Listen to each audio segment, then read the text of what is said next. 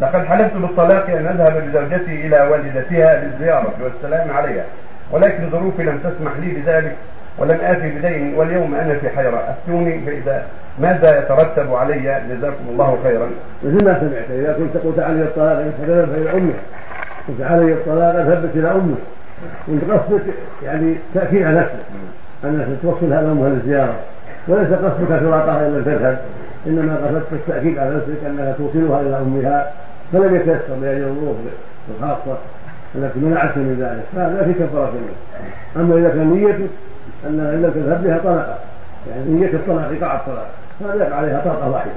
كنت قلت هذا مرة أو كررت أول مرة يقع عليها طلقة واحدة وتراجعها إذا تأخرت عن الذهاب بها عن الوقت الذي حدثت بنيتك إذا تأخرت عنه وقعت طلقة واحدة. إذا كان مكانا طلقة واحدة.